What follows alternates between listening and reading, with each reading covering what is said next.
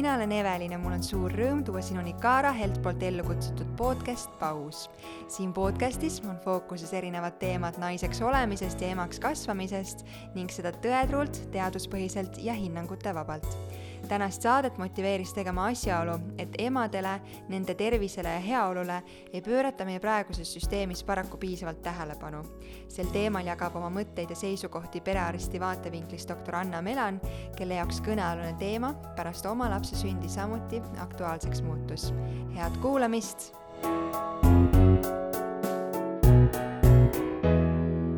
tere, Anna! tere! Ehm, sa oled perearst jah? jah. ja sa enne jõudsid mulle rääkida, et umbes kümme aastat sa oled perearstina töötanud. jah, et perearsti eriala sain siis kaks tuhat kolmteist. kui sa läksid meditsiini õppima, kas sa teadsid algusest peale, et sa tahad perearstiks just saada? ei, mitte keegi, ma arvan, võib-olla praegu mõned juba mõtlevad, et perearst endas on väga huvitav, aga äh, muidu kõik, ma arvan, peaaegu kõik äh, äh, noored äh, Äh, arstiteaduskonna äh, tudengid tahavad kirurgiks saada päriselt? no ma ei tea, mul tund-, mul tundus nii, et mina tegelikult mõtlesin, et mina kindlasti olen see inimene, kes tahab lõigata. jah ja., aga mis hetkel sa said aru, et see ikkagi ei ole su kutsumus? ah, tegelikult äh, Äh, kui ma sain aru, et äh, mis päris, äh, kus ma tahan lõigata, et see oli kõrva-nina-kurguarsti eriala mm, -hmm. siis ma kaks korda üritasin sinna residentuuri sisse astuda, aga ei õnnestunud kaks korda ma olin nagu peaaegu seal mhm. sees, aga mitte, ja siis perearstindus oli see variant, kus võib-olla, võib-olla siis mm, proovid natukene, ootad, valmistad ette ja jälle lähed sinna äh, nagu siis eksamile mm. -hmm. aga kui ma hakkasin seal äh, neid äh, äh, seda perearsti residentuuri äh, tegema, need rotatsioonid, siis tegelikult mulle kohe meeldis. kas sa olid varem üldse kaalunud ka midagi muud peale selle kõne, kõrva-nina-kurgu äh, kirurgi ala, mitte midagi? ei aga mitte mingisugust varuvarianti ka, oli, see oli siis järelikult päris suur šokk, et sa ei saanud sinna residentuuri sisse? Äh, no tegelikult, kui tehniliselt äh, sellest rääkida, äh, kui me valime, siis meil on nagu olemas nagu siis kindlasti üks see eriala, mis on esmavalik ja mm -hmm. teine samal aastal mm, -hmm. kus nagu varuks on igaks juhuks olemas okay.. ja siis nagu mul oligi nagu siis kõrvanine kurguarst ja siis teine samal, samal päeval oli see eksam muidu nii. oli perearstindus. okei okay., ehk siis see oli sul varuvariandina ja. olemas ja,? jah, jah. selleks, et lihtsalt, kuna ma olen väga kauge sellest alast tegelikult, kaua õppida selleks, et enne kui sa residentuuri lähed? kuus aastat. kuus aastat ja siis ja. residentuur on kolm aastat? Äh, pere, pere, kui mina astusin, siis oli äh, kolm aastat ja siis praegu siis viimased äh, kolm või, kolm või neli aastat on neli aastat juba. kas selle ajaga äh, sinu enda kogemuse puhul äh, on inimene nii valmis, et ta on teiste tegelikult elude eest valmis võtma mingil määral vastutust? Äh, tegelikult juba äh, kui me lõpetame äh, kuus aastat, mhm. tegelikult me oleme juba üldarstid mm -hmm. ja üldarstid on need väga tihti, kes sõidavad kiirabiga näiteks või -hmm. EMO-des võtavad vastu, tegelikult see on juba see hetk, kus sa oled valmis, kindlasti on, see sõltub sellest, kui palju sa oled Äh, noh, koge-, kogemust saanud nagu varem, jälle meil on äh, tol ajal, kui mina õppisin ülikoolis, siis tegelikult arstid, äh, arstitudeng ei tohtinud minna abiarsti, abiarstina tööle haiglatesse. me võiksime ainult töötada abiõena. ja okay. see oli see nagu noh, pidur tegelikult, siis meil oli need Soome tudengid näiteks ja need olid abiarstid juba neljandast äh, aastast mm. ja nende juba see arusaamine, mis tähendab see meditsiin, oli hoopis teistsugune. ehk äh, aga ma, see, kui ma tulen tagasi sinna sinu küsimusele, siis äh, mina pigem ütlen, et jah, kindlasti on see, see arusaamine, mis see tähendab, võib-olla arstid ongi need inimesed, kes lähevad sinna õppima, ongi juba natukene kutsumus on olemas ja, ja, ja, jah, just. kas sa oled täna rahul sellega, millise tee sa oled valinud? jah, sada protsenti. mis on kõige selline ähm,, mis kõige rohkem sul tänase töö perearsti rolli juures sul silmad särama paneb? praegu, et äh, ma usun, et see jälle... võib muutuda vastavalt äh, ajale kindlasti. ja et äh, tegelikult äh, no kui alustada sellest, et lihtsalt, kes me oleme, sest perekliinik on selline natukene võib-olla äh, teistsugune perearstikeskus, tervisekeskus kui teised. ehk meie tahame natukene teistmoodi näidata seda esmatasandit või üleüldse nagu siis muuta äh, Eesti esmatasandi äh, taset kuskile noh, mujale nagu kõrgemale nagu siis et, et, etapile või nagu siis kvaliteedile mm. -hmm. ja mina praegu äh,, mul on nagu mitu ülesandet, siis mina olen selle kliiniku nagu see asutaja ka ja kõik, mis on praegu kliinikus äh, toimib, mina alati tunne, tunnen, et ma olen kuskil keskel mm, -hmm. sest äh, ja see ei ole arstindus, see on nagu mingid äh, juhtimine, reguleerimine, äh, parandamine, see mulle meeldib väga et ja näiteks, kui ma oleksin nagu siis praegu kõrvaline kurguarst, siis arvatavasti mul seda võimalust polegi olnudki ja siis mina ei, ei, ei saanudki aru, et mina võiksin seda teha ja siis mulle see meeldib mm. -hmm. aga arstinduses noh, kindlasti lastepäevad praegu ma teen neid palju aga kui äh, ma tegelikult ei tea, kuidas see käib, äh, sa saad kohe mind valgustada võib-olla, aga kui sa lähed perearstiks, siis mul on tunne, et sa pead, sul peab olema mingi kutsumus või selline soodumus töötada väga paljude erinevate inimestega, väga erinevate muredega inimestega ja, ja ka väga erinevas vanuses, et äh, perearsti juurde satuvad nii pisikesed mõnenädalased beebid kui juba noh, väga eakad inimesed.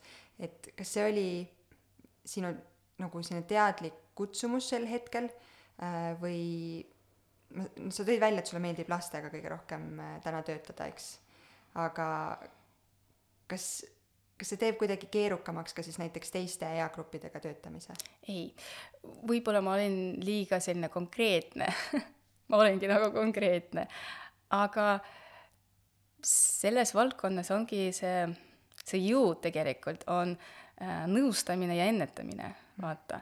ja tegelikult eh, nii need eh, vanemad inimesed või äh, sellised lapsed ka ja siis teised, kes on nagu riskigruppides inimesed, siis meil on see võimalus ja võim tegelikult midagi juba ennetada või teha nii, et inimene nagu saaks aidata nagu rohkem nagu, kui nagu arstina ma saan aidata kindlasti, aga see on väike protsent tegelikult, aga siis see harimine ja see ähm, kogu aeg siis äh, rääkimine sellest, mis see tähendab, kuidas see toimib ja mis sina saad nagu sellega te, te, saad teha ja kuidas nagu parandada oma elukvaliteeti, see ka on, see on noh, üks suurematest osadest nagu peremeditsiinis tegelikult. mis sa tunned, mis need valdkonnad on, me läheme küll praegusest saate teemast hästi kaugele, me jõuame kohe põhilise teema juurde ka tänases saates, aga mis see põhifookus või valdkond on, milles sa tunned, et seda teadlikkust tõstes inimeste elukvaliteet paraneb?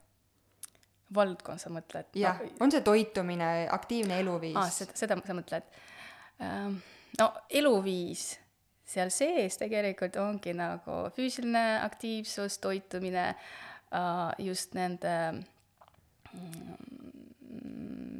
see, see tegelikult, see valdkond on kõige olulisem jah, kindlasti, et nagu siis äh, võib-olla isegi ma noh, kogu aeg mõelnud, et kuidas näiteks alu-, kust peab alustama, et inimene oleks aru saanud, mis tähendab äh, Äh, tervislik üldse.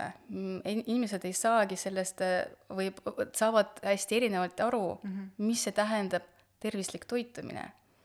kui äh, noh, tavapärases praktikas sa küsid, no tuled siis noh, ülekaaluline inimene, siis sa küsid, kuidas sa, kuidas sa sööd, mis sa, mis sa sööd. oi, ma üldse ei söögi, no see tavaline. tead, teate arst, ma mina, mina, mina ei söö midagi sellist. kilod lihtsalt ise tulevad. just, just, ja ongi nii, ongi nii mul, mul on midagi nagu sellest viga, äkki nagu kildnäärmed peab kontrollima, et ehk see ongi see, et aru, sellest peabki alustama, et võib-olla isegi lasteaed on see õige koht, kus nagu hakatakse, võiks hakata rääkima sellest, mis tähendab see õige toitumine või balansseeritud ja mis me toiduga peame saama mis see toit võib teha nagu siis, mis kahju võib sellega vale toitumisega siis äh, meile nagu juhtuda organismis ja kuidas see väljendub ja mis see on, et tegelikult see on kõige ähm, no ma ütlen, kõige raskem, ma arvan, äh, see valdkond. elustiil, muidu liikumine, inimesed on erinevad. aga toitumine inimesed kõik söövad ju mm. -hmm. vot see, see, selles mõttes on see võib-olla kõige olulisem asi. ma kujutan ette, et inimeste selliseid kinnistunud harjumusi on väga-väga keeruline muuta, et kes on juba pähe võtnud ja aastaid niiviisi elanud, siis seda murda, eh, õpetada, et mitte midagi söömine ei ole ka tervislik. Nad ei tunnista on... seda, see on kõige, see, see, see on see punkt, kus me, eh, kuhu, vot see, see, see koht, et kus sa jõuad selle kohani ja siis eh, inimene hakkab aru saama, et et ja äkki midagi, mina teen midagi valesti, see on juba mingi saavutus. kusjuures kust, kust tulevad need valed arusaamad näiteks, näiteks tervislikkusest või tervislikust toitumisest konkreetsemalt, kas see on miski, mis tuleb meil perest ja sa ütlesid, et lasteaed on oluline koht, kus hakata juba õigeid samme ja, ja teadlikkust jagama, õpetama, kasvatama. on see meedia, ühiskond, kus me elame, mis neid valu, valesid väärtusi või standardeid tervisliku eluviisi puhul loob?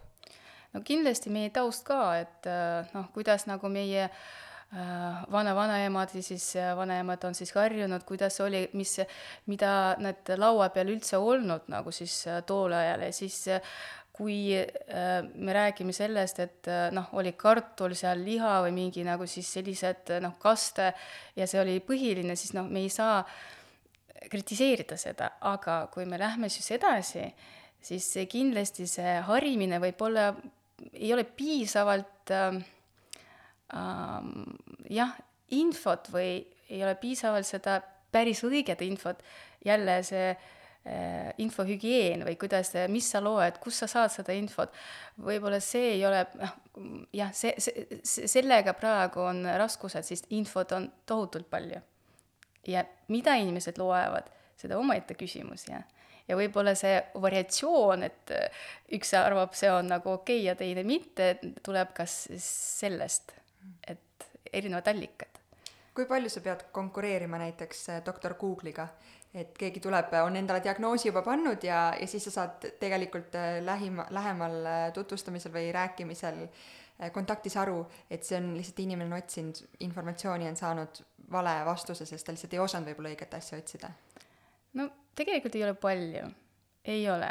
et äh, meie, meie inimesed, patsiendid ikka viisakad ja siis tegelikult võib-olla ausalt ütlevadki, ma olen, tegelikult ma jah, see tendents on praegu selline, et nad tulevad ja kohe ütlevad näiteks, et teate, ma olen juba guugeldanud, aga ma tahan teie arvamust ka saada mm -hmm. ja siis tegelikult sellega mulle isiklikult, no võib-olla üksikud, aga kui ma ei mäleta nendest, siis arvatavasti ei ole suur probleem.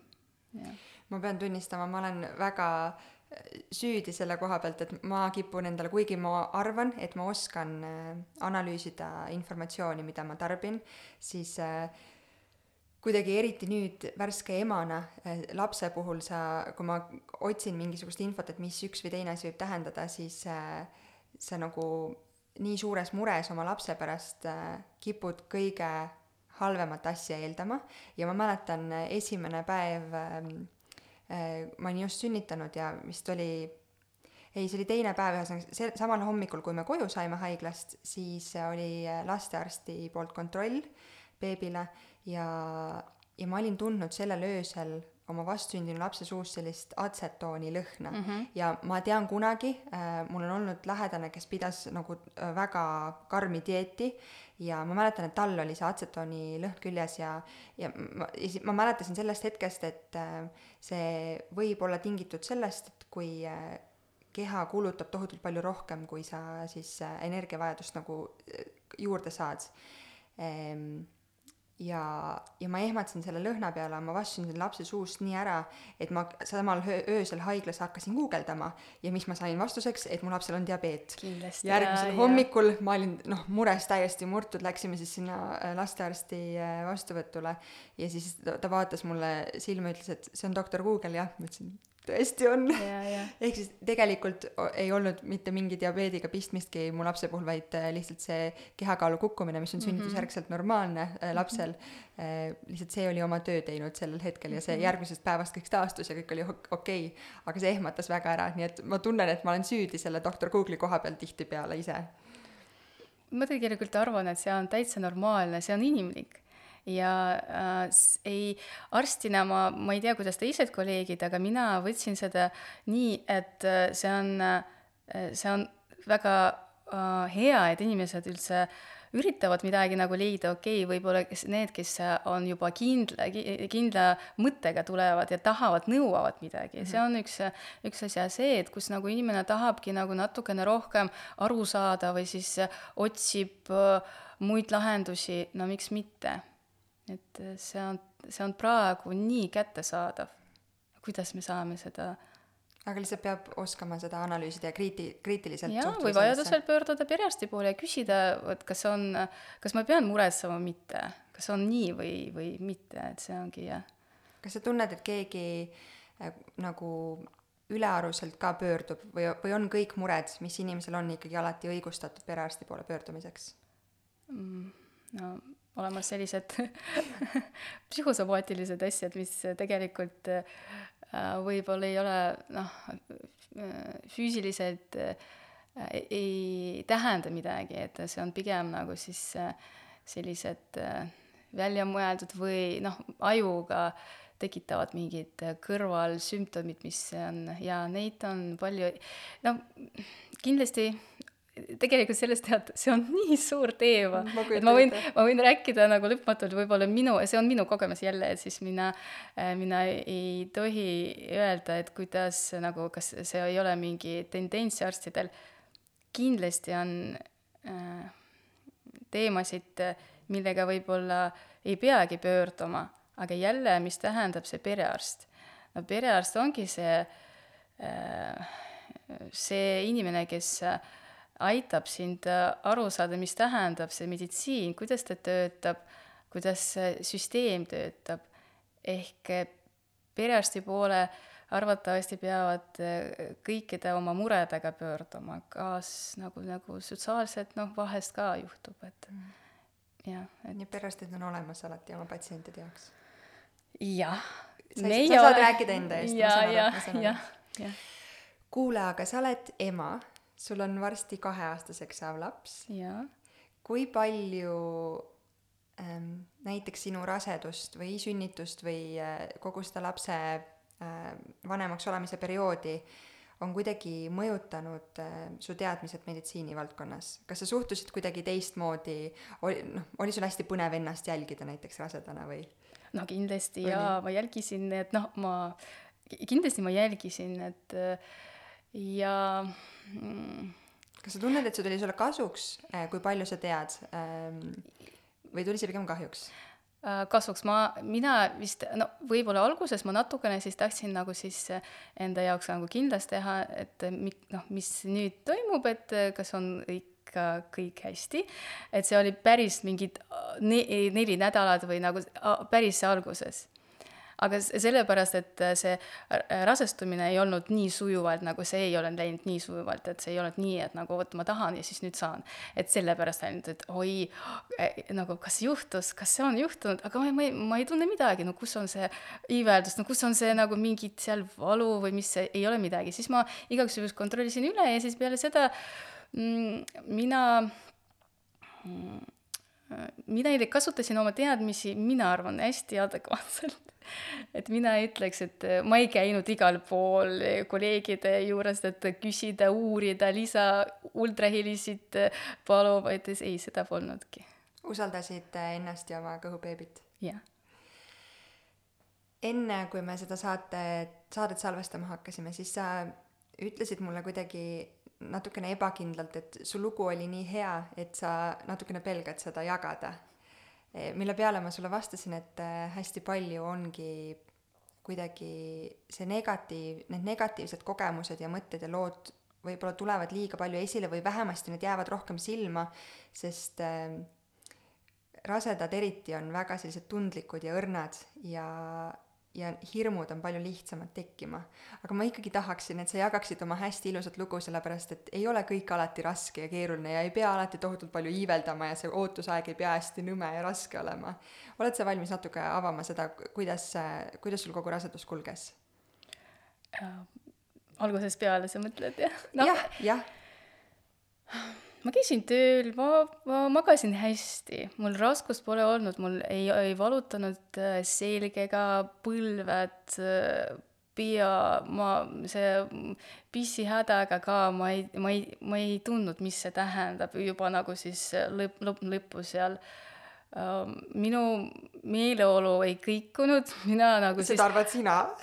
jah, no okei okay,, ma pärast küsin, ma küsin üle Äh, siis see näiteks nagu räägitakse sellest äh, äh, pesa tegemise perioodis, mis on mina ka nagu ei tundnud, noh, ma, ma ootasin, äkki mul tuleb, aga mul oli, oli nii palju tegemist, mul oli nii palju tööd, siis ma nagu siis toimetasin ja oli nagu noh, vahest ma isegi ei mõelnud selle peale, et kas ma olen rase või mitte, et Läks meelest ära vahepeal? jaa, ma arvan nagu alguses kindlasti, aga pärast nagu siis noh, mul sõbrannad, mõned ütlesid, et oi, peale, peale seda teist trimestrit või midagi, noh, kus on nagu see kõik nagu, et need hirmutavad asjad on äh,, on juba läbi, siis on üldse nagu selline täitsa chill. aga mul kogu aeg oli täitsa okei okay Ja. see ei, ei olnud mingeid hirmu ega kartusi kogu raseduse ajal? no natukene, natukene, sest selle, ma arvan, see oli seotud sellega, et nagu võib-olla, et ei, see rasestumisprotsess ei olnud nii nagu siis äh, lihtne võib-olla. ja siis mina arvasin, kui see on juba juhtunud, siis ma pean natukene ennast nagu rohkem nagu äh, hoidma nagu nii, et kas ma, kas ma lähen reisile või ei lähe, vot see oligi ja oli ka nagu see Covidi aeg. ja siis selle, selle ajal nagu ei teadnud veel nagu, kuidas nagu rasedatele see viirus nagu mõjutab ja see oli nagu mõte, pigem just nagu juba rohkem äh, teadlikkuses, et äh, ma uurisin, et näiteks statistikat juba, kas mingi juba äh, tulnud no Ameerikas näiteks, et äh, kas mõjub lootele, kas väärarändid tekivad või midagi, see oli natukene. aga kui näiteks võtta seda Covid üldse ära, siis ma arvan, mul polnudki nii palju asju. isegi vahest nagu mu pereõde on mind kaitsnud rohkem kui ise mina näiteks. kas äh, läksid sa lõpuks reisile? Käisin, jah, jah. no mitte, ma tahtsin võib-olla rohkem, aga käisin nagu kaks, kaks korda või üks kord ma kindlasti käisin, jah. kui palju, võib-olla sa oskad mind kohe aidata, kas äh, kui naine näeb rasedustestil kahte triipu, siis äh, üldjuhul ju on esimene mm, siis kõne, mis tuleb teha, on äh, ämmaemanda vastuvõtul, eks, ehk saada ennast kirja ja see loode tuvastada. kas jah? no, no jaa ja,, vist jah, jah. kas mingis olukorras rasedana peaks pöörduma ka perearsti poole? no tegelikult äh, terved naised, äh, kus äh, riske noh, peaaegu ei ole, siis tegelikult perearsti juures ja ema, noh, tervisekeskuse ema, ämmaemanda juures võib üldse seda rasedust jälgida. ja see on väga oodatud selline nagu tegelikult hetk, kus naised hakkavadki rohkem pöörduma perearsti poole mm et see on äh, meie üks nagu selline üks valdkond, mis on äh, noh, delegeeritud meile mm -hmm. kuidagi mm. -hmm kui sa ütlesid, et su äh, ootus oli kõik väga positiivne ja rõõsa ja ilus, ma saan aru, nii nagu Ameerika filmis, et see on kõige ilusam aeg, jah? jaa. kuidas see sünnitus läks äh,? sünnitus läks väga kiiresti äh,. tegelikult äh,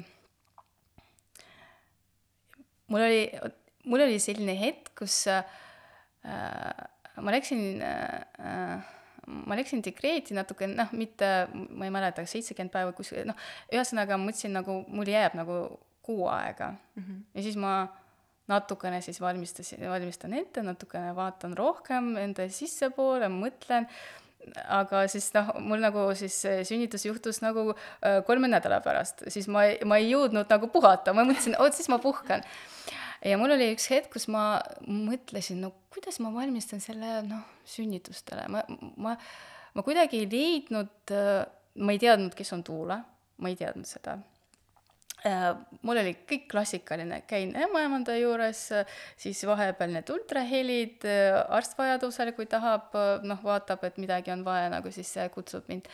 aga noh, analüüsid. Ja siis mina nagu siis ükskord ma mõtlesin, ma mõtlesin, et ma pean natukene aru saama või ette kujutama, no mis see tähendab, no miks need inimesed nii ka, noh, miks sellest nii palju räägitakse või mis see valu on. Ja see oli väga raske ja siis mina olin natukene hädas, et no kuidas ma siis valmistan ennast äh, selleks hetkeks. ja ma sattusin ühele videole lihtsalt Youtube'is. Ja kuidagi see video oli sel hetkel kuskil äh, nagu õige. Ja ma sain äh,, võib-olla oli mingi teine sõnum, aga ma, ma sain sellise sõnumi, millega ma, millega ma läksingi sünnitusele. Ja see aitas mind. Mis see sõnum sinu jaoks oli? ehk eh, noh, see tegevus kõik on koos beebiga. Mm, -hmm. sina aitad beebit, beebi aitab sind. Ja siis kõige olulisem, mitte, mitte mingil juhul ära ennast üle pinguta. Sa pead olema lõdvest ja, ja siis ma leidsin seda äh, Fitball, minu sõber seal oli siis ja ma kogu aeg seal nagu olin ja siis äh, ma kõi-, mul on, mul oli siis äh, ähm, ma tulin haiglasse, sest äh, mind, mul nagu äh, vett nagu siis lendi, siis mind kutsuti nagu siis äh, sinna kahe, kaheteistkümne nagu tunni pärast, et nagu siis sünnitamas, aga sünni, sünni, sünnitustegevusi polnud. ma ei tahtnud neid kõik muid stimulatsioone. sul tulid veed ära, aga sul sünnitustegevusi ei olnud alanud? ei olnud, jah okay.. Mm -hmm. ja siis äh, mina teadsin, et ma pean kõndima ja siis ma seal nagu siis seal palat mingi kümme sammu siis akna poole ja tagasi ja siis ma kõndisin, ma ei tea, ma kõndisin nagu kolm tundi ma arvan. ja siis nad hakkasid, jah. nii et kõik läheb alati ikkagi nii, nagu minema peab? Äh, no võib-olla no, ma teadsin midagi, võib-olla ma analüüsisin, ma äh, nagu noh, need kõik nagu siis äh, kuidagi töötanud hästi, minu teadmised, minu tunded, minu, minu usk ka, et mina saan mm. -hmm. Pole vaja sekkuda ja siis. ei olnudki vaja sekkuda? ei. kas sa tundsid, et äh, sünnitus oli sinu jaoks kuidagi ilus ja väestav kogemus mm.? Pärast kindlasti. võib-olla sel hetkel, kus sa seal oled, siis äh, seda on äh, raske nagu hinnata, aga kui pärast, siis jaa, kindlasti kas sa tunned, et sa oled kuidagi naisena muutunud tänu sellele, et sul on nüüd juures ka see ema roll? pehmemaks. jah. tasakaalukamaks? Võib-olla. kannatlikumaks? kannatlikumaks jaa, kindlasti. et äh, jah, inimesed, kes minuga töötavad näiteks, siis nagu pehmemaks ja see on ka see sõna kas äh, kogu see, nii nagu läbi käis, et su laps on kohe kaheaastane, kas kas see on olnud sinu jaoks tänu mingil määral võib-olla meditsiiniteadmistele, võib-olla ka mitte, selline lihtne aeg ka, et ma ei tea, paljusid, paljud muretsevad, lapsel tuleb nohu, esimesed köhad, mingi palavik. kas selle võrra, et on, ma ei tea, võib-olla su laps on kogu aeg väga terve olnud üldse, aga kas see on võtnud sult mingit pinget maha või ärevust, muresid vähemaks, et sa oled täpselt teadnud kohe, mida teha? Jaa, sul on õigus, et minu laps on kogu aeg terve, terve olnud. Äh, praegu ta läks äh, lasteaeda, siis natukene ja need nohud ikka tulevad, aga kuidagi ma saan nendega hakkama ja siis praegu, kui jah, praegu see aitab hästi, siis ma kindlasti tean, et mis ma pean tegema. ma ei muretse, äh, ma ei pabista, ma lihtsalt tegutsen kui me läheme tagasi sellesse hetke, kui sa oma värske väikse beebiga koju said ja ma, see on vist tavapärane protokoll, et äh, kaks nädalat pärast lapse sündi käiakse perearsti vastuvõtul. jah. mina küll käisin esimese kahe nädala pärast vist pereõe vastuvõtul ja kuuajaselt perearsti vastuvõtul äh, võib-olla seal kir-, tegelikult ma olen siis teinud nii, et me koos õega vaatame kõik lapsed koos okay.. aga jah, meil on jagatud, et selle ja seal nagu jah, see koormus on jagatud ja siis vist või võib-olla siis kaksteist nädalat on siis õe vastuvõtt jah, või jah. kas sina ise, olles arst, läksid ka oma lapsega vastuvõtule? ei, ei. ei läinud. kas see on tavapärane, kolleegid, tuttavad teevad ka nii, sa teadsid, mida kontrollida oma lapse puhul? sa mõtled kodus või, või, või? jah, üleüldiselt nagu tema tervist eh, jah, hinnata. jah, ma, ma, ma sain nagu aru, noh, miks me üldse käime seal, nagu kaksteist nädalas on see äh, kaaluiive on väga, väga mm. nagu oluline, et vaadata, kuidas nagu siis see, see beebi kasvab ja siis kindlasti vaadata, kuidas tema kuidas ema on nagu taastunud sellest ja äh, rääkida äkki sellest äh, noh, riskiteguritest äh, lapse hool-, noh, kuidas nagu siis pesta, noh, kuidas üldse kä-, lähebki kodus mm. -hmm. et tegelikult vanasti, kui mina olin resident, ma mäletan hästi, et minu baasasutuses, baasasutuses perearstid tegid patronaaži, nad käisid kodus. vot see esimene nädal, esimene, isegi mitte kaksteist päeva, aga äh, esimese võib-olla nädala jooksul siis mina oma äh, Äh, see juhendajaga käisime kodudes. kas sa näed, et see on miski, mis peaks olema jätkuvalt kõigile kättesaadav praegu? ma arvan, mitte kindlasti arst seda ei pea tegema, aga siis võib-olla need äh, äh, noh, kodu, kodu ülevaatamine, noh, mille, miks, miks nagu käisime seal, ma, ma mäletan, ma olen äh, küsinud, et äh, mis, mis siin point on, et aga noh, see, et ohutus, vaadata, kuidas, kus laps kasvab, mis see keskkond on, et kas on kõik turvaline või rääkida natukene rohkem, et aru saada, millest näiteks me peame rohkem rääkima selle, selle, selle perekonnaga näiteks, et kus nad elavad, et kas külm, soe, noh, jah, erinevad asjad. kusjuures see on väga huvitav praegu, et sa tood selle aspekti sellest kodukülastuse või koduvisiidi poolest välja, sest äh, ma olen nüüd viimasel ajal äh, lugenud selle valdkonna kohta, kuidas, millised on Eestis äh, sellised süsteemid, millised on mujal Euroopas ja üldjuhul tuuakse argumendina, miks koduvisiite tehakse, mida Saksamaal näiteks tehakse üle kümne mm -hmm. koduvisiidi äh, siis ämmaemanda ja ka arsti poolt äh, pärast äh, lapse sündi, siis need üldjuhul ei ole mitte ainult kodukesksed needsamad argumendid, mis sa välja tõid, et kas kodu on soe, külm, millised on lapse magamistingimused ja nii edasi, vaid need on välja toodud justkui ema aspektist, et emal äh, niigi sünnitusjärgne taastumine on, see võtab aega, see on kurnav, on raske lapsega võib-olla kuhugi minna jooksma, et la-, ema peaks olema rahulikult taastuma selles oma beebimullis õndsat elu elama seal esimestel nädalatel ja kui sa pead kogu aeg lapsega hakkama arstide vahet jooksma ja minema, siis see võib lihtsalt endal olla võib-olla liiga stressirohke. ehk siis, mis ma olen lugenud, on, et koduvisiite tehakse rohkem ema vaatevinklist, et et tal oleks selline äh, Äh, taastamist soodustav hea keskkond ja tema juurde tullakse. kas sa näed, et seda peaks nagu Eestis ka lähtuvalt emast rohkem tegema?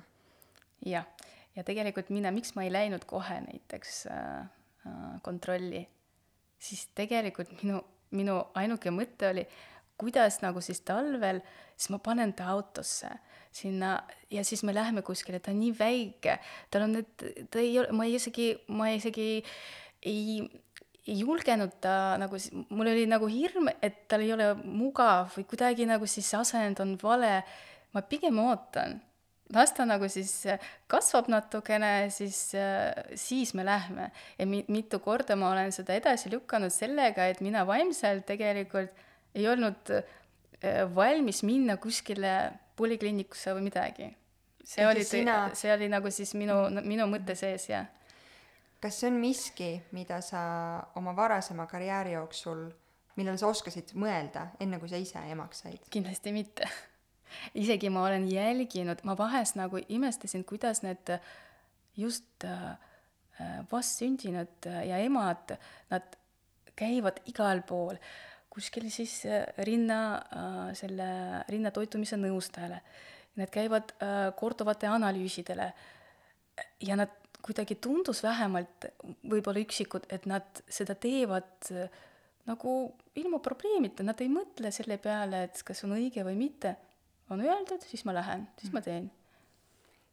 kas sa näed seda palju oma patsientide hulgas näiteks, et, et on selline suhtumine emadel, et kõik on hakkama saanud, kõik on käinud, mina saan ka ja mina lähen ka?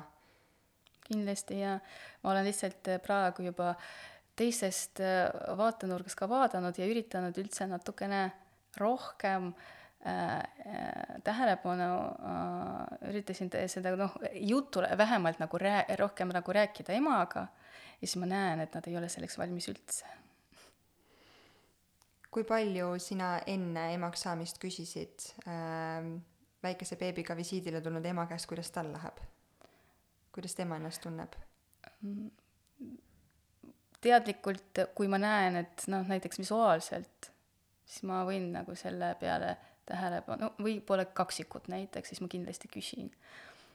võib-olla ma näen, et ta on nagu kurnatud või midagi ta nagu siis no midagi muret teeb, et ta ei julge või ta ei oskagi küsida ja siis ma küsin, aga samas ma mäletan, need on sellised üks küsimus, kaks noh, ja üks vastus, et ja noh no, no jaa, ma ei maga, noh, ma mis, no mul on nagu kaksikud, no kindlasti on raske. no aga mis, aga kuidagi nagu, kas teistmoodi võib-olla ka või? seda küll, jah. kui palju sa nüüd äh, ise emana võib-olla rohkem emadele oma visiidi käigus tähelepanu pöörad?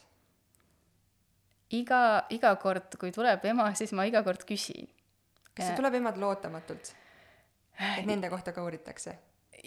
No ma ei tea, ma, ma arvan jaa, ma arvan jah, et sest nad ei ole valmis üldse mm, Nad, nad ei, nad ei ole, võib-olla jälle ähm,, võib-olla see, see teema on selline, kus ta peab üksi tulema või ma ei tea, kuidas nagu ta on nii kontsentreeritud oma beebi peale, siis nagu see kõik nagu kontse-, kontsentratsioon läheb sinna, ehk isegi kui ma hakkan küsima, siis ta ei ole sel hetkel valmis midagi välja ütlema või ta ei ole mm, ta ei, ta ei mõelnud selle peale, et ta ei ole formulee-, formuleerinud, ta ei ole mingeid asju äh, tahtnudki rääkida või või ei tahagi rääkida. mul on üks ema praegu olemas, kes ma juba iga kord, kui ta tuleb, siis ma üritan võib-olla sõnastades teistmoodi uurida, kuidas temal on ja siis ta on kogu aeg, distantseerub sellest kogu aeg. aga järelikult teadlikult, et ta ei taha sellest rääkida?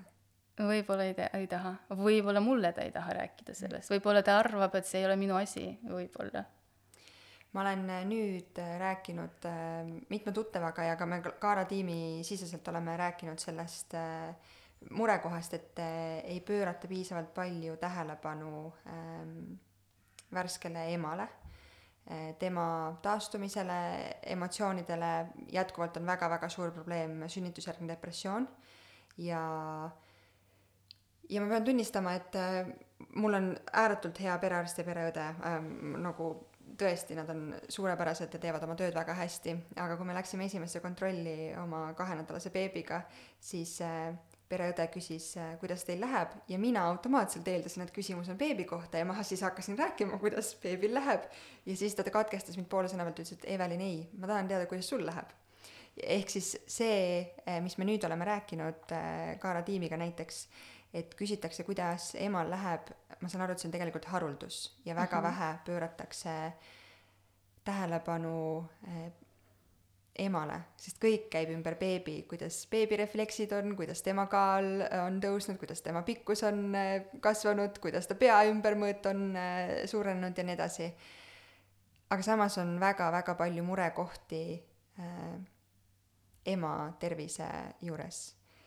miks sina meditsiinitöötajana tead, mis need murekohad on või miks me peame rohkem äh, emadele ka tähelepanu pöördama selles olukorras? no kindlasti seal on äh, nii füüsiline kui ka vaimne ka nagu siis äh, pool, et äh, isegi pigem see vaimne pool, nagu füüsilisest äh, asjadest nagu lihtsam rääkida, see on selgem ka, et kas kuskil valutab, kas peale keistrit näiteks, et kas on mingid nagu siis või veritseb või mitte aga see vaimne pool on see mm, äh, väga äh, oluline, aga raske hetk, raske nagu teema, millest peab kindlasti äh,, peab kindlasti rääkima sellest. aga äh, meie, noh, Eestis praegu ei ole mingit äh, standardiseeritud äh, noh, kriteeriume näiteks, on olemas üks küsimustik mis on Edinburghi selline postpartum depressiooni nagu skaala, mis võet-, võetud praegu kasutusele, aga samas seal on üks mure, et nagu siis meie äh, Äh, ühiskond, ühiskonna nagu taustad on natukene erinevad riikides, jah mm, -hmm. et nagu siis ajalugu on erinev ja seda peab adapteeruma. just natukene nagu sinna, kus nagu hakatakse kasutama ja seda alles praegu hakati nagu tegema.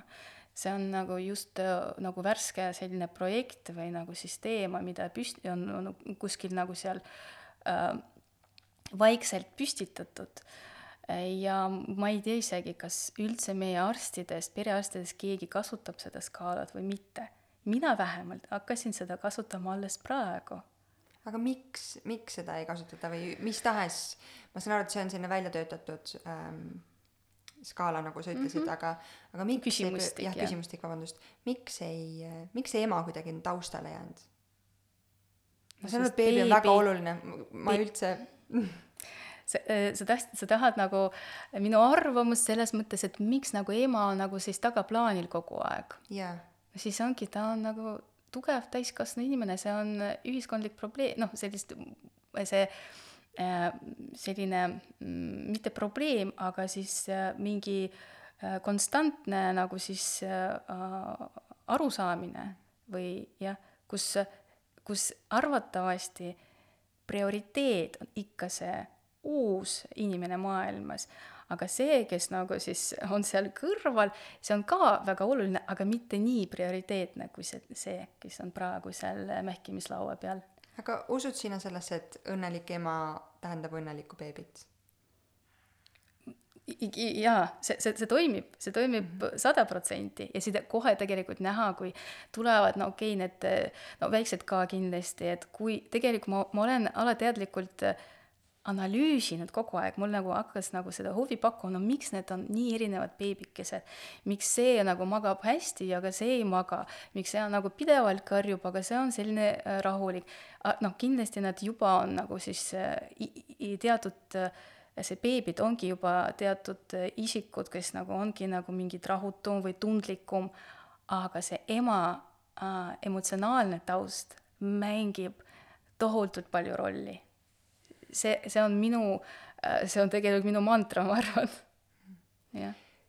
kuidas, ma, ma väga tahaks loota, et äh, nende podcast idega, nende, see on tegelikult ka meedias viimasel ajal üles tulnud rohkem emale tähelepanu pöörata ka Eestis, aga kuidas see värske ema, kes on selle väikese beebiga kodus, kuidas ta peaks iseennast analüüsima võib-olla ka, ma ei tea, oma mõttemustreid, sest mingil määral ju on selline äh, sünnitusjärgselt hormoonid möllavad kõigil. Just, äh, ja mingil määral on selline emotsioonide ja tujude kõikumine aktsepteeritav ja normaalne, aga kuskilt maalt see ületab normaalsuse piirid, et kuidas me saame iseennast ähm, pisikese beebiga kodus olles kuidagi analüüsida, et mis on õige, mis on vale, mis võib-olla vajaks rohkem tähelepanu. või kaaslastena, õdede, emade, sõbrannadena? Äh, ma arvan, et siis äh, alustame sellest, et üritame olla siis äh, iseenda sees nagu hästi noh, ausad olema, siis näiteks, et kui ma tunnen, et ma olen väsinud, siis ei tähenda, see on tavaline, mul on beebi väike, siis see on miks, miks ma pean olema, olema värske ja siis rõõmsameelne, see on ju tavaline. see, see võib-olla praegu sellest rohkemgi räägitakse, ei ole nii, aga noh, vanasti oligi nagu siis, kes nagu kurdab, äh, et kindlasti need äh, hetki või äh, päevi, kus sa tunned ennast õnnetuna, nagu õnnetu ja siis sa tunned ennast hästi ähm, sa ei tunne, et sa oled äh, oluline näiteks sel hetkel, mitte ainult selle beebi jaoks, aga üldse nagu siis kas perekonna tasemel või üleüldse, kas sa üldse kadunud kuskile. see on juba see hetk, kus kui inimene ei tunne, kaotanud ennast, siis see ongi see hetk, kus sa võiks mõelda, kas ma, kas äkki ma teen midagi kontsent-, või minu kontsentratsioon läinud liiga palju kuskile mujale, äkki ma pean mõtlema natukene rohkem enda peale. ja noh, need kliinilised sümptomid on mm, noh, ärevus, näiteks need hetked, okei okay,, me võime vahepeal olla nagu kõik nagu ärevil, aga kus väga lihtsad asjad juba panevad sind kuidagi nagu pabistama või mõtlema halvasti või, või ma ei tea, paanikasse üldse. lihtne, mis veel nagu siis võiks nagu, need kõik, lihtsalt need, need sümptomid on neid hästi äh, hästi keeruline välja tuua sellest just nagu see äh, hormoonide taust, see väsimus, see beebi, see kõik, ehk aru saada, kas see on see normaalne või mitte, vot see piir on väga-väga äh, noh, see, ta ei ole selgelt nagu nähtav, ta, ta, ta ei ole nähtav. ja isegi kui me vaatame seda äh, nagu seda küsimustikku, kus seal nagu siis, mis nagu küsimused on äh,, seal öeldakse, et vasta, see vastus on noh, teie tunded seitsme päeva jooksul nagu, kuidas nagu te olete ennast tundnud nagu selle nädala jooksul ma tundsin ennast iga päev täiesti erinevalt sünnitusjärgselt. ja mina, kui ma lugesin need küsimused mina sain aru tegelikult, kas tõepoolest sellest saab midagi välja, sellest küsimustikust. mõned olid hästi konkreetsemad küsimused, aga mõned on väga sellised keerulisemad, kus nagu raske aru saada, et nagu kas on nii või naa. vot, aga ma arvan, see, sel puhul võib-olla rohkem ülereageerimine kui ka mitte, sest nagu meil on praegu, see on nagu vaikimisi kuskil seal nagu olemas, see teema, ja üldse pole nagu räägitud, aga hakatakse rääk-, rääkima võib-olla rohkem tähelepanu pöörata selle, nende murede peale, noh, ema murede peale, ja rääg-, vähemalt hakata sellest rääkima, see on juba see ka. Depressioon tundub selline väga hirmutav diagnoos, mida saada ja ma ma ei, ma ei saa küll rääkida kellegi teise eest peale iseendaga, kui mul oleks sellised äh, mm, tunded või, või mõtted, et äkki see mind kimbutab, siis ma arvan, et ma ei julgeks minna rääkima kellelegi. aga kas perearst on see, kelle juurde nende mõtetega minna? kelle on... juurde peaks pöörduma? Äh, see on õige inimene. ma loodan, et siis äh, Mm, noh, need perearstid on ka inimesed, vaata, ja siis me ei tea, kuidas need äh, kontakt siis äh, on patsiendiga on, aga siis kindlasti ähm, kui on tekkinud see mõte, äkki ma küsin nõu või äkki ta peegeldab mind näiteks natukene või uurib näiteks, annab mingi nagu siis äh, küsimustiku, siis ma täidan, siis kindlasti seda võiks teha ja rohkem. Neid asju, mis võib-olla puudutavad meid sünnitusjärgselt, on nii palju kas on midagi, mida me veel peaksime ise tähele panema või rohkem adresseerima? ma arvan, et kui sa tunned, see on natukene muu keha või midagi nagu häirib sind ja siis sa tahad nagu siis selle peale rohkem tähelepanu pöörata, näiteks sul nagu siis need lii-, liigesed või nagu natukene kangemaks lähevad rohkem kui tavaliselt nagu peale staatilist nagu siis asendit, siis eh, mina arvan, et mm, mida rohkem sa nagu küsid, Äh, seda rohkem nagu siis sa saad aru ka, mis nagu toimub sinu kehas ja siis sa oskad seda keha kuul-, äh, kuulata ka õigesti. mitte nii, no äkki mul on mingi tõsine haigus või midagi, no mis nüüd. kui sa küsid, saad vastuse, jah, siis sa seedid seda. elada ka sellega pärast. sa seedid seda ja siis sa oskad kuidagi suunata neid kaebusi ka kuskile, selekteerida neid ja vaadata, mis on päris nagu see, mis võiks nagu olla ka jälle mingi uus asi ja mina tahaksin sellest rääkida või see võib-olla kaasneb ka selle eelmise äh, murega või jah, et pigem ma arvan, see jälle peremeditsiin, mina olen rohkem ja rohkem seda usku, et ongi selleks, et äh, toetada, toetada seda ühiskeskkonna, et nagu harida ja siis näidata, suunata õigeste, õigesse kohta. vot mm. see on isegi, kui on isegi väike pisike asi nii et seda teadlikkust tõstmistööd ja, ja, ja ennetamist. sest mida rohkem sina te, annad nagu tagasisidet nagu oma keha osas või midagi, seda rohkem äh, Äh, meie ka saame aru, mis nagu toimub mm. ja siis saab nagu seda, seda puslet nagu kokku panna ja siis on nagu kasulikum. aga praktilise nõuandena siit, kui pikalt ähm, peaks enda keha jälgima, enne kui nii erinevalt, see on ja. nii erinevalt, ma ei tea, et tegelikult meil ei ole kindlat kriteeriumit, kus nagu siis mõni ütleb, et, et naine sünni-, taastub sünnitusest kaks aastat, teine ütleb, et kolm kuud. ma tean, et järgmine saade meil on, meil on külalisega, kes räägibki, et kolme kuuga peaks taastuma sellised nagu põhili-, põhilised funktsioonid meie kehadest, et kui kolm kuud pärast sünnitust ikka tilk püksi tuleb, et siis järelikult on midagi pahasti, eks. no näiteks mina isiklikult, no näiteks jälle ma olen selline keha jälgija mm, -hmm. et äh, mina tundsin, et mina arvan nagu poolteist aastat või aasta. ma elan, mul on siis äh, neljakorruseline maja ja neljas korrus, lifti ei ole. ja siis mina pidin tassima siis last kas vankriga või mitte. ja siis ma äh, Äh, tundsin, et mul nagu äh, nagu Vagna, Vagna sees nagu lööb nii tugevalt nagu valu sellel hetkel, kus ma trepist tulen ülesse äh,. jälle ma kogu aeg jälgisin, jälgisin, jälgisin, ma ei ole kuna noh, võib-olla sõbrannaga, kolleegidega rääkinud, et nagu mis, mis see võiks olla, kas on see või see. ja ma arvan, see aasta või pooleteist aasta pärast see kadunud on et vaata isegi noh, ma ei saa sulle vastata, ei ole seda nagu hetki, sest kehad on ka erinevad, et ettevalmistus, et kas sa oled nagu sporti teinud, kuidas sa nagu varem oled elanud, kas olid aktiivne või mitte, kuidas sinu lihased ja üks, üldse nagu skelett on selleks valmis olnud või mitte ja mis sa praegu teed. et kui näiteks lapsed võib-olla isegi sellised rasked lapsed või nad kiiresti, kasvavad nii kiiresti, siis sinu keha ka ei, ei jõua kohaneda selle kaaluga, et nagu siis sul on nagu raskem, see on arusaadav.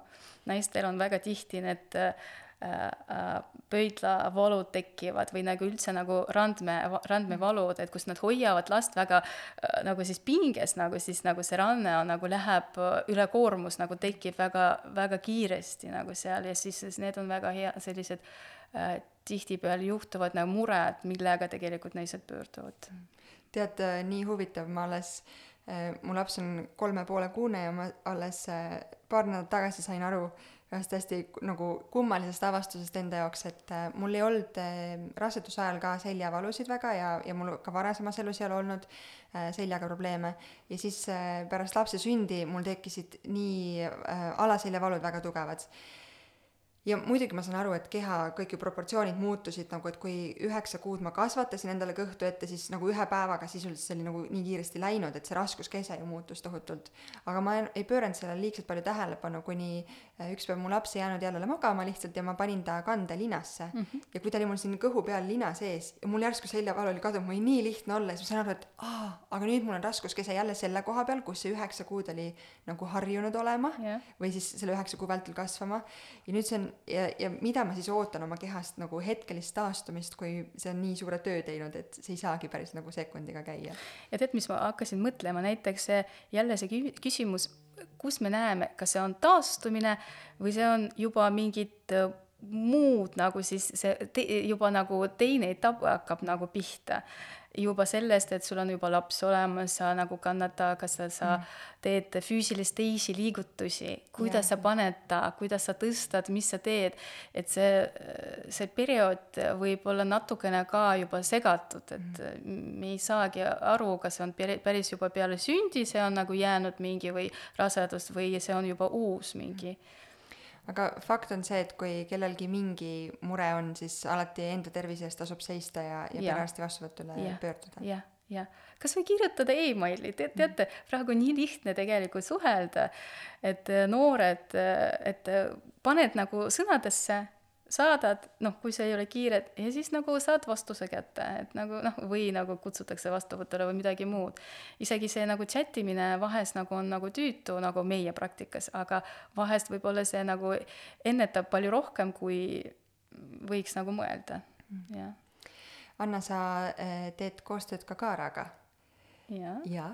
Äh, mis sinu roll Kaara tiimis on või, või mis juhul saab sinu poole pöörduda siin?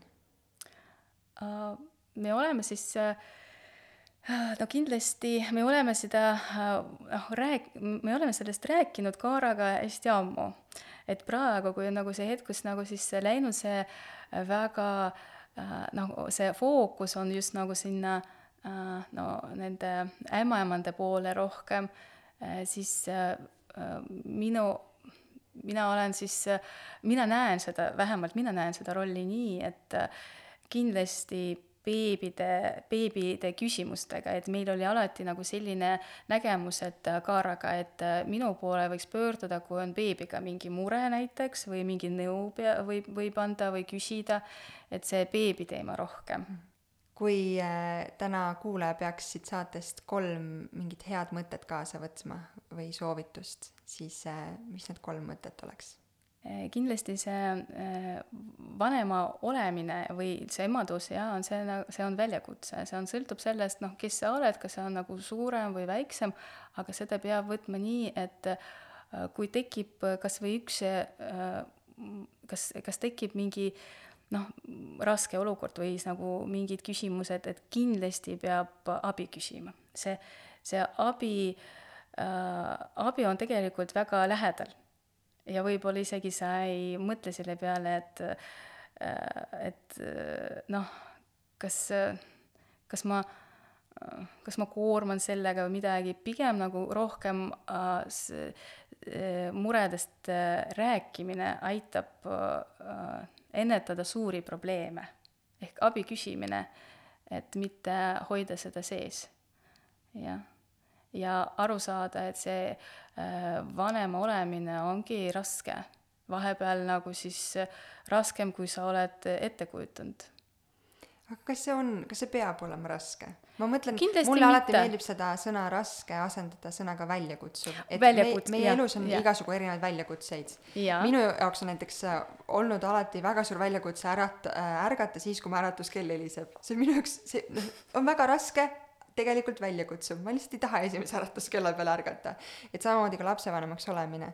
et äh, ma arvan, see ei pea olema raske, see võib lihtsalt olla vahel aga vaata, väljakutse, see sõna isegi nagu meie võime seda äh, aru saada erinevalt, väljakutse võib olla mõnus mm, -hmm. aga võib-olla mitte mm. -hmm. see ka sõltub inimesest ka, aga kindlasti äh, emadus või vanemate, vanemate roll ideaalis ei pea olema raske, ta peab olema arusaadav, et sa sees tunned, kes sa oled, milline vanem sa oled, äh, äh, kus, ähm, kus su äh, need, kus sinu prioriteedid on, et kas sa, kas sa rohkem nagu noh, et see on, peab olema hästi loomulik, voolav selline protsess. ja kui sa iseenda sees nagu seda tunned see komfort nagu, siis praegu sa oled õigel ajal, õiges kohas ja see õige roll on, et äh, see on see äh, väga tä-, tähtis, nagu, nagu seda, see bilanss tegelikult. aga kuidas seda saavutada, see on omaette küsimus, sest inimesed on nii erinevad ja taust on väga erinev. Nii et peab äh, enda sees leidma selle Just, vastuse, kuidas selle tasakaaluni hästi ausalt nagu vaatama sinna enda sisse minu, ma tunnen, et vahest nagu inimesed ei jõuagi ei, või ei oskagi kuskil enda sees pidada seda dialoogi, rääkida, kuidas nagu sul päriselt on. kas see on, kas see võib olla tingitud sellest, et esiteks meie elutempo on väga kiire, et me ei pööragi endale piisavalt palju tähelepanu, äh, või sellest, et me oleme ümbritsetud kogu aeg väga palju sellisest infomürast, et kogu, kogu aeg keegi teine nagu võitleb meie tähelepanu pärast, mida me peaksime iseendale pakkuma. võib-olla see on kaitsemehhanism tegelikult ka. tegelikult kõik, mida sa oled öelnud, see on ka väga õige, aga see põhjus, vaata, miks nagu siis me paneme seda kuskile kõrvale, mina arvan, vahest see on kaitsemehhanism. et me ei taha sellega väga... tegeleda. aga jaa, äh, et pelgavad inimesed ju, vahest ka, kui nad kunagi pole seda teinud kuidas ma, kuidas ma siis avan seda ust ja siis äkki see on pime, mis ma seal leian? tegelikult see on väga-väga selline äh, väljakutsuv jälle nagu siis protsess, et äh, nii nagu sa ennist ka ütlesid, siis äh, kõige olulisem on olla enda vastu aus. jaa. tead, mis ma tahtsin veel öelda? jah, et mulle meeldib see sõna, üldse nagu see, see vaatenurk, et tegelikult äh, võib-olla üks sellest äh, osast, kuidas sa võiks ennast äh, tunda äh, hästi selles rollis äh,, vanema rollis, on see, kus äh, sa saad aru, et äh, sina siin ei ole mitte kõige targem või kogenum, see laps annab sulle palju rohkem seda teadmisi, kui sa jälgid ta, saad temaga tuttavaks. siis äh, see protsess, mis te äh, läbite koos, peab päris olema nagu koos, äh, mitte nii, et mina, mul on selline kohustus, mina seda teen ja ongi kõik aga lap-, laps annab meile hästi palju infot ka juba, kui ta on vastsündinu. ja kui sa võtad, sa õigesti jälgid ta, siis tegelikult see on kergem ka aru saada, mis praegu on vaja, mis on õige või vale. ma usun ka seda, et äh, me kõik äh, oleme selles rollis esimest korda, ükskõik, kas see on esimene, teine või kolmas laps, siis iga laps on erinev.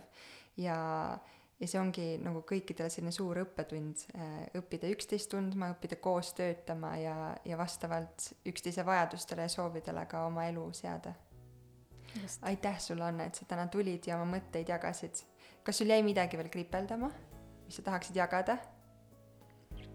mul, mul on palju mõtteid, aga pärast kindlasti tuleb, siis me saame teha duubel kaks saate lihtsalt. võib-olla, jaa, kindlasti, meelega. aitäh sulle! Jah, aitäh sulle ka! tšau! tšau!